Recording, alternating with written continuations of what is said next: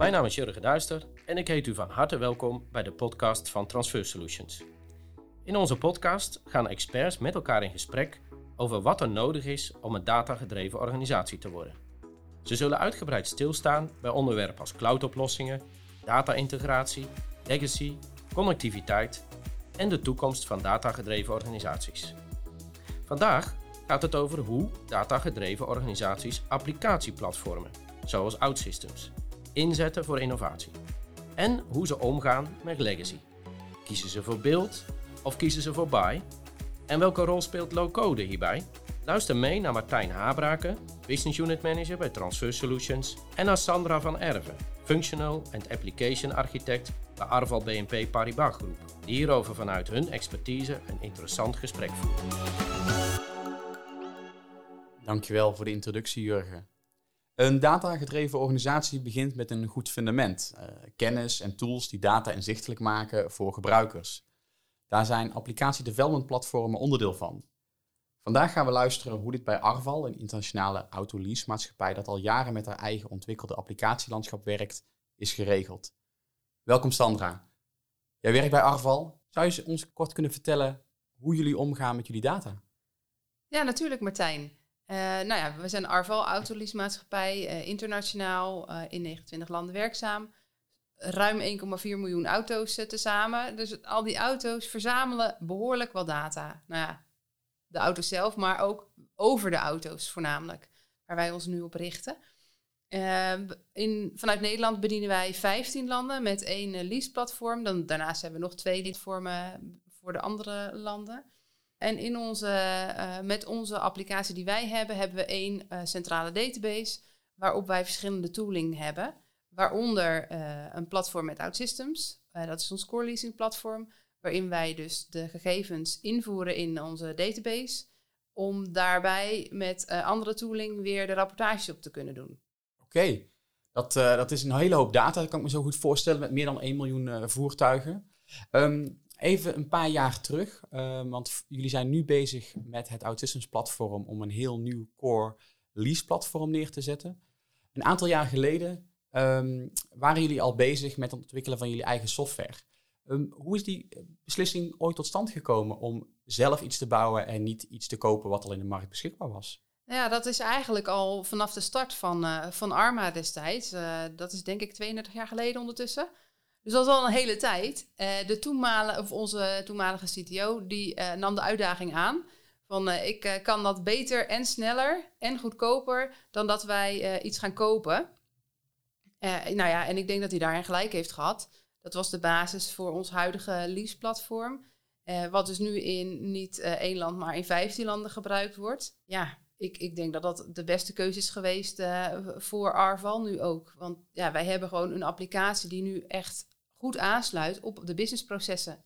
En als het businessproces aangepast wordt, dan kunnen wij de applicatie daar ook op aanpassen. Een echt concurrerend voordeel ten opzichte van de markt. Ja, dat, zo kun je dat wel zeggen. Ik denk dat dat uh, wel onze kracht is. Dat wij naar de, de, onze klanten kunnen luisteren en naar de business kunnen luisteren. En daar ons product dusdanig op aanpassen. Dat, dat, ook, ja, dat zij daar ook goed mee uit voeten kunnen.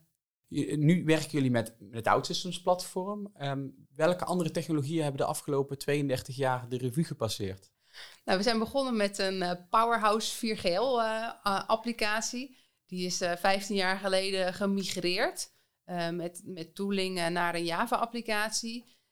En ondertussen ja, zijn we die over aan het zetten naar een OutSystems-applicatie. Laatste module wordt nu ontwikkeld. Dus hopelijk kunnen we hem volgend jaar uitzetten. Ja, waarom hebben wij voor OutSystems gekozen, zou je kunnen zeggen? Nou ja, we hadden natuurlijk een Java-applicatie, maar we werken ook met een Citrix-omgeving.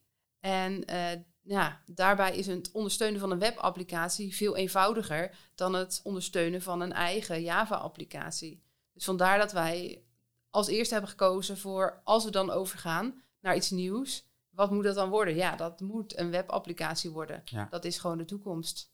Ja, een webapplicatie is, was toen ook al mobile uh, voorbij gekomen? Uh, voor mobile uh, nog niet direct.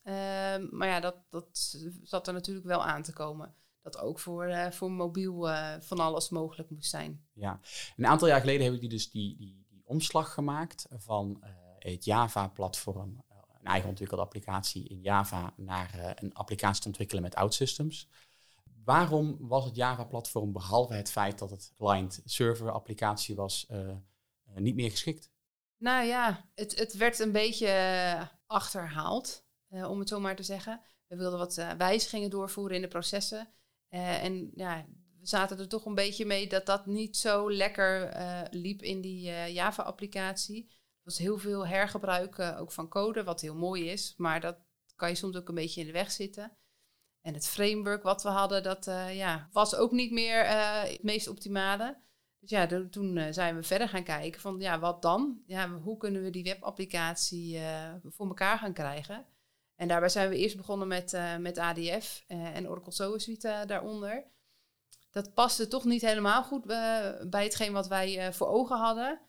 En zijn we begonnen met een, met een, met een POC om te kijken van oké, als we dan een webapplicatie willen hebben, waar kunnen we dan het beste voor kiezen? Uh, nou, hebben we toen gekeken naar Apex, daar hebben jullie ons nog bij geholpen. Uh, en uh, OutSystems heeft toen ook een, een, module voor ons gemaakt. En uiteindelijk hebben we daar gekozen voor OutSystems. Vooral ook omdat dat meer aansloot met de flexibiliteit die wij zochten in het inregelen van onze processen. Wat dat betreft is OutSystems echt wel een compleet pakket. Ja, ja, dat, dat, dat is herkenbaar wat je zegt. Hè. Oracle Apex ook een, een goed low-code product is, is dat wat meer uh, data gedreven, puur op input. En OutSystems wat meer op de processen waar als gevolg de data uitkomt. Dus eh, ik kan me goed voorstellen dat dat uh, meer bij jullie use case toen de tijd en ook nu, nu goed paste.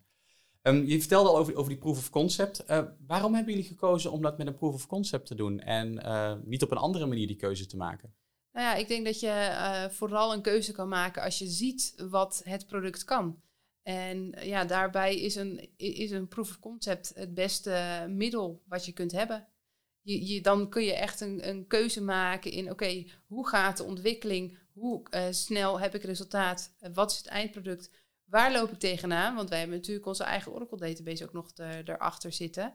Uh, ja, het, die uh, low-code dat, dat low-code platform moet daar wel goed mee kunnen communiceren.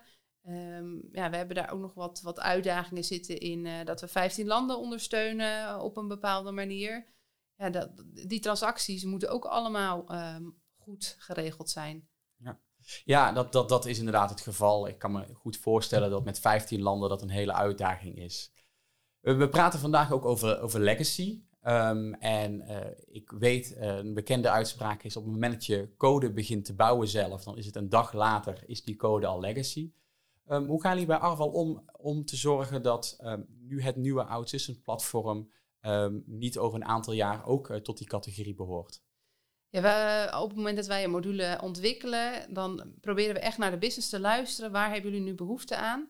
Ze hebben natuurlijk de, de huidige applicatie nog. Ja, en, en, samen met de business proberen we iets te maken wat echt aansluit uh, bij hun proces.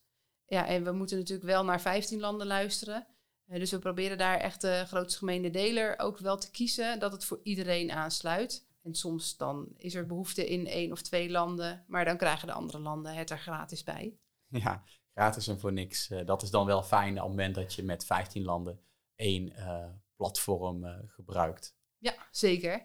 Um, verder, um, Legacy heeft ook vaak te maken met het beheren van verschillende modules die aan elkaar vastzitten. Hoe, hoe, gaan jullie daarmee om en hoe zorg je ervoor dat op het moment dat je module A iets aanpast, dat er in module C niet iets omvalt? Dat is inderdaad uh, een goede uitdaging om ervoor te zorgen dat wel alles door blijft draaien. Met de migratie of met de, ja, het omzetten van de Java-applicatie naar de OutSystems-applicatie zijn daar inderdaad uitdagingen bij. Uh, soms kiezen we ervoor om helemaal opnieuw te beginnen. Ja, dan zit je of vast aan datamigratie. Ja, nou ja, eigenlijk vast aan datamigratie. En je moet ervoor zorgen dat je de oude situatie ook in stand blijft houden. Want je kan niet alles in één keer omzetten. Alle rapportage die we hebben op die data die in die database zit, die moet wel blijven werken. Kan niet één keer uh, patsboom zeggen, oké, vanaf vandaag stappen we over. Je zit in een mooie hybride situatie tussen het, het nieuwe, moderne uh, low-code platform en je enterprise stabiele uh, dataopslag, in dit geval een Oracle database. En, en daar zit je constant een soort van spagaat, begrijp ik.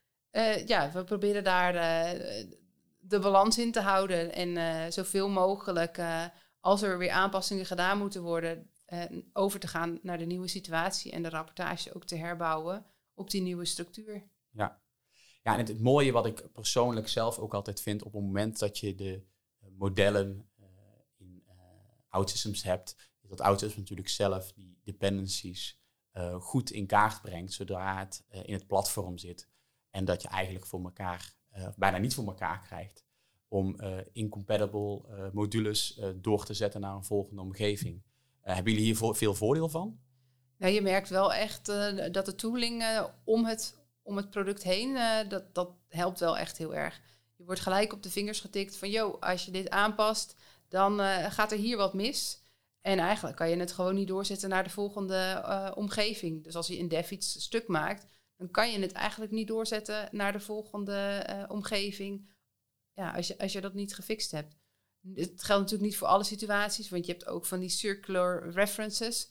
Dat kan, dat kan wel. Um, maar ja, dat is, ja, je moet daar wel op blijven letten nog steeds. Het is niet zo dat je nu met een low-code platform geen mensen meer nodig hebt met enige technische kennis. Dat is nog steeds zo. Die, die, ja, je hebt nog steeds logica en, en technische mensen nodig die ervoor zorgen dat het niet een hele grote chaos gaat worden. Ja, want wat ik begrijp is dat je zegt een, een low-code platform haalt technische um, problemen vaak voor je weg. Maar eigenlijk alle andere standaardproblematiek die je uh, er gratis bij krijgt op het moment dat je software gaat ontwikkelen, die blijf je behouden. Dat uh, klopt. Ja, je hebt nog steeds de developers nodig, nog steeds die tech leads en ook nog steeds een technische architect die een overzicht houdt van uh, wat je aan het doen bent. Je kan niet denken van oké, we hebben nu een low-code platform, uh, kom maar hier mensen en ja, ga lekker je applicatie zitten maken. Je moet wel zorgen dat dat dan nog steeds op een overzichtelijke manier en gestructureerde manier blijft gebeuren. Ja, anders dan ben je eigenlijk een beetje terug bij af. Jazeker, en dan heb je inderdaad gelijk je legacy te pakken. Ja, en het begrip citizen development is, is tegenwoordig vrij populair binnen de IT-markt. In, in, in hoe verre gaat Arval met deze nieuwe vorm van applicatiedevelopment mee? Ik, ik, zie, ik zie je vragen ja. kijken. Wat bedoel je precies? Ja, dus het citizen development, het, het daadwerkelijk de eindgebruiker ook aan de code laten uh, zitten, um, um, meenemen in het, in het uh, development proces, um, om uh, daadwerkelijk de business en IT dichter bij elkaar te brengen. nou, ik kan zeggen, wij hebben best wel nauw contact met, met de business, zeker met de mensen die ook in Nederland werkzaam zijn. Dat is wel echt een voordeel. Um, ja, we, we, proberen alles te challengen met, met wat, ja, wat ze willen hebben. We willen ook het liefst niet dat mensen met een, met een oplossing al komen van ik wil daar een veldje erbij. Nee, zeg maar wat is nou je probleem? En dan denken wij met je mee hoe we dat kunnen toepassen. Dus kom alsjeblieft niet met de oplossing, maar kom altijd met je probleem. En dan zorgen wij dat het opgelost wordt. En dan gebruik je gebruikers echt als klankbord. Ja, zeker. En uh, ja, we hebben ook eigen, een eigen team daar uh, nog weer tussen zitten. Uh, die daarin helpt. onze Global Support team. Die, die helpt daar ook in het uitzoeken van... Oké, okay, maar wat is nou eigenlijk de uitdaging die je hebt? welke vraag heb je? Welke vraag van de klant krijg je? Is dat wel een terechte vraag? Wil die klant liever niet wat anders? Zit er niet een andere gedachte achter? Dus echt constant die, die business bevragen van, maar wat wil je nou eigenlijk? Is dit dan wat je wil? Oh nee. Is dit het dan? Ja, dit is wel wat we willen hebben. Ja, en, en, en bijna dat de, de business op de stoel naast de ontwikkelaar zit om het op die manier samen te gaan ontdekken. Dat is uh, wel uh, ja, de mooiste oplossing. Ja. Zit natuurlijk niet echt in, uh, in het team, maar ja, we proberen ze zo dicht mogelijk bij ons te houden. Leuk. dat is inderdaad een, een, bekende manier. persoonlijk, het citizen development is natuurlijk een gevaar dat um, op die manier weer allerlei um, productjes je organisatie binnenstromen, zoals we dat wel bekend zijn met, met andere tooling. Dus ik denk dat dit zeker voor een groot enterprise product wat jullie aan het bouwen zijn, een, een hele goede methode is om uiteindelijk tot de, de beste value te komen uh, binnen je organisatie, zowel op proces als op data.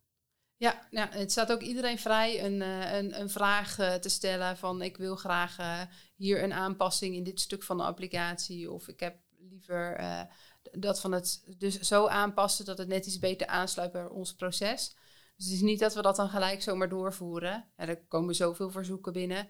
Er wordt echt wel een, een, een schifting gemaakt in ja, wat levert dan de meeste waarde op en welke vragen zijn terecht. Ja, Oké, en wat voor verzoeken komen er dan al zowel binnen? Nou, we hebben onze sales department die natuurlijk van alles verkoopt aan onze klanten. Die willen het allemaal geautomatiseerd uh, zien worden. Want ja, ze hebben het verkocht. Uh, en dan en de maintenance kant, natuurlijk allemaal integraties over interfaces op gebied van brandstof, tankingen, schades, onderhoudswerkzaamheden die er plaatsvinden. Ook interfaces met, met de overheid in Nederland voor de, natuurlijk met CIB, maar ook over verzekeringen en uh, ja, eh, registratiebelastingen die we moeten betalen. Ja leuk, en dat, en dat verzamelt op zichzelf natuurlijk ook weer een hele hoop, hoop data. Ja, klopt. Nou, ik heb nog recent uh, voorbeeld in Denemarken waarin we echt de, de business hebben gechallenged. Want die vroegen in hun verzoek gelijk een veld. We willen een extra veld erbij voor die registratiebelasting die na drie maanden pas vastgesteld wordt ja, oké, dat is leuk, maar hoe zie je dat dan? Want ja, dan heb je dus twee eh, keer die registratiebelasting vast liggen. En wanneer toon je dan welke? Hoe zie je dat? Is dit eigenlijk wel het probleem? En zo zijn we echt gaan doorvragen. Maar wat is nou het probleem en hoe kunnen we dan het beste oplossen? Uh, zodat dat ook echt goed past in, in, in, in wat jullie nou eigenlijk nodig hebben. Ja, wat, wat ze willen. En zo ga je samen eigenlijk op zoek naar hoe kan de applicatie aangepast worden en welke data willen we dan daadwerkelijk ook opslaan. Ja, ja, want je kan natuurlijk heel veel data opslaan, maar het moet wel relevant blijven. Ja, leuk. Um, even een paar stappen terug. We hadden het al eventjes over die proof of concept, waarna jullie uiteindelijk gekozen hebben om het Java-platform met OutSystems te gaan herbouwen. Wellicht hebben een aantal luisteraars die op dit moment uh, op een soortgelijk punt staan, of misschien nog iets vroeger die echt aan het twijfelen zijn om met low-code aan de slag te gaan. Waarom was het eigenlijk al vrij duidelijk dat het low-code moest gaan worden uh, na Java? En niet bijvoorbeeld een modern uh, Angular framework met een, een, moderne backend erachter. Ja, het grote voordeel van het low-code platform is dat je redelijk snel resultaat hebt. Dus je kan redelijk snel ook aan je klant laten zien van oké, jij vraagt dit, nou zo komt het er dan uit te zien. En ze kunnen er ook al gelijk een beetje in, uh, in, klikken.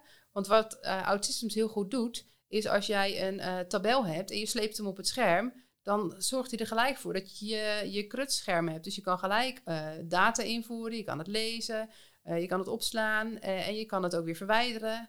En nou ja, je, je klikt het in elkaar en je laat het zien. Is dit wat je wil? Nee? Oh, nou dan kan je het ook heel makkelijk aanpassen.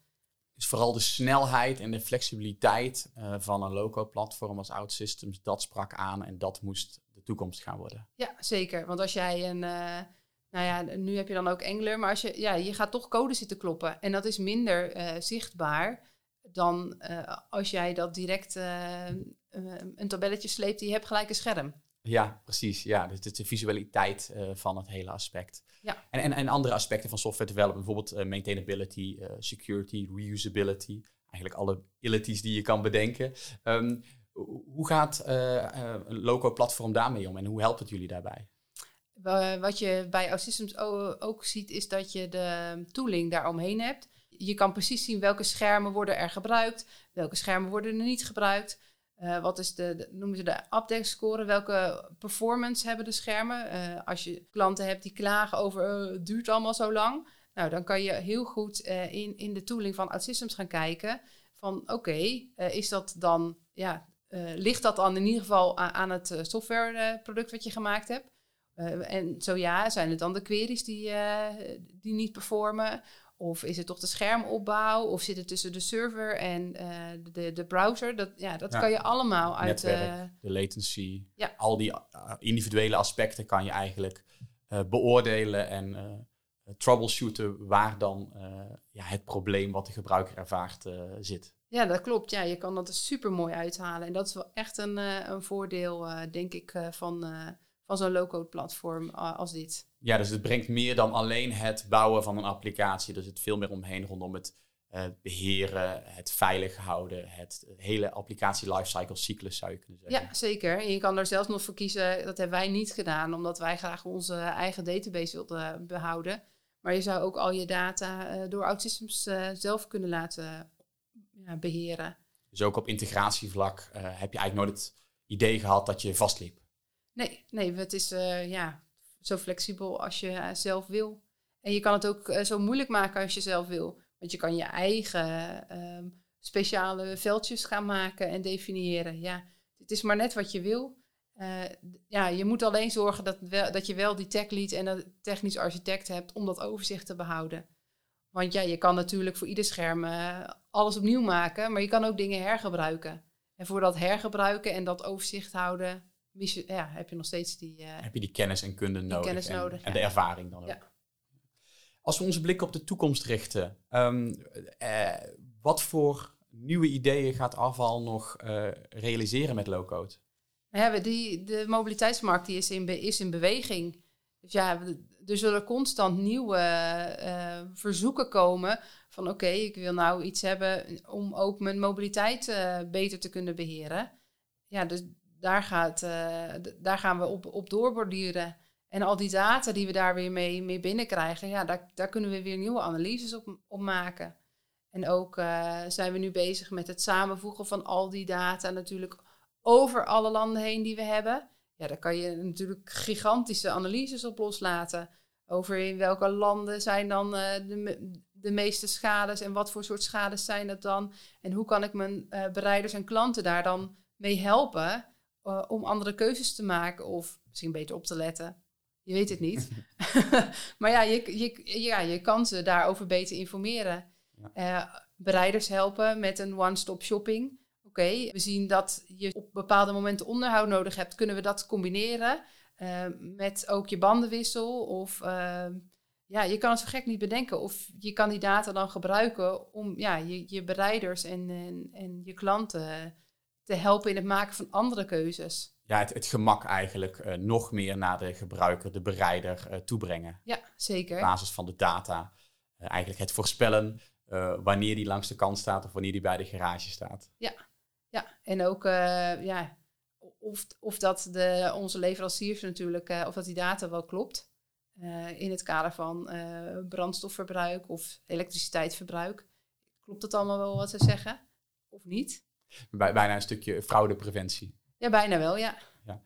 Dan heb ik nog, nog één laatste vraag. Ehm, iets wat in, in, in uh, ecosysteem veel gehoord wordt is... low-code is echt een andere cultuur. Hebben jullie dat zo ervaren? Nadat jullie met low-code aan de slag zijn gegaan... dat jullie IT-afdeling um, uh, en jullie organisatie echt anders is gaan werken? Uh, ik, nou ja, of het nou echt heel anders is, dat, dat betwijfel ik. Het is misschien dat er net wat ander soort mensen in dienst komen. Minder de, de echte diehard codekloppers, zoals je die uh, kent van vroeger. Ja. Die hebben we natu natuurlijk nu minder. We werken ook wel, zijn ook wel bezig met API's, dus dat is dan weer wat meer technisch. En ja, dat, dat zijn wat meer de, de ontwikkelaars van vroeger. Uh, maar voor OutSystems, ja, dat is veel laagdrempeliger. Uh, daar, daar, kan, kun, ja, daar heb je minder kennis, minder technische kennis voor nodig om daar uh, mee applicaties te ontwikkelen. Natuurlijk hebben we nog steeds de, de manier van denken nodig. Mm -hmm. maar het is niet meer uh, dat je echt, echt die, die, code hoeft te kloppen. Uh, waardoor er ja, toch net een, wel een ander soort uh, ja, collega's eh, op de afdelingen werkzaam is. Ja. Wat overigens helemaal niet verkeerd is. Hartstikke gezellig. Ja, dus, dus een hele leuke mix tussen de echte techneuten en, en de low-code developers die wellicht um, meer ook de, de focus hebben op de business en uh, het, het stuk waarde toevoegen. Ja, en het, ja, het geeft een hele leuke dynamiek. Uh, zo, uh, je, ja, je, je versterkt elkaar. Ik, ik kan me dat helemaal goed voorstellen. Sandra, hartelijk bedankt voor dit gesprek. Ik heb het erg plezierig ervaren. Ja, dankjewel Martijn. Het was echt super gezellig. Dankjewel. Ja, en we hopen we spreken elkaar snel weer. Ja, is goed. Dat brengt ons bij het einde van de podcast, waarin is besproken hoe datagedreven organisaties omgaan met legacy. Ik wil graag Martijn en Sandra bedanken voor hun waardevolle inzichten. We hopen dat u als luisteraar veel aan deze informatie heeft. Mocht u meer willen weten, dan verwijs ik u graag naar onze website. De volgende podcast gaat over de cloud en is in samenwerking met onze partner Oracle. Volg Transfer Solutions op LinkedIn om op de hoogte te blijven en hopelijk tot de volgende keer.